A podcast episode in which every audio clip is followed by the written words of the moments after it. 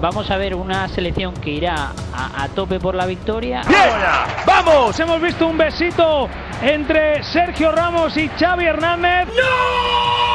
Uno que han puesto una bandera española y pone Ángela Merkel, que sepas que no estamos trabajando. Ahí está. pero, pero. Vamos a ver si nos olvidamos de la prima de riesgo un ratito, hombre. Somos superiores, no hay ninguna duda. Todos sabemos, es fútbol, se puede ganar, se puede perder.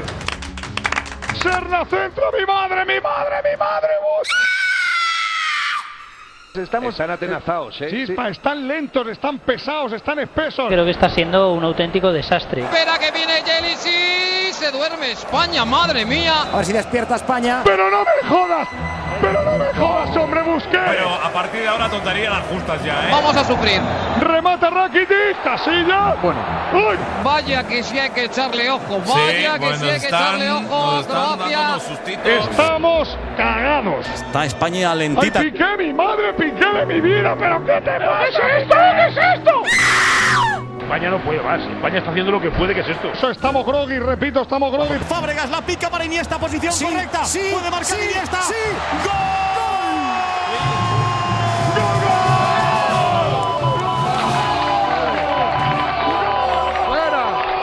¡Viva Sevilla! ¡Qué manera Salió de al rescate. sufrir! ¡Qué manera de llorar sangre! ¡Gol de España, Pepe! ¡Me muero por España! Jesús Navas que nos mete en los cuartos de final por la puerta grande.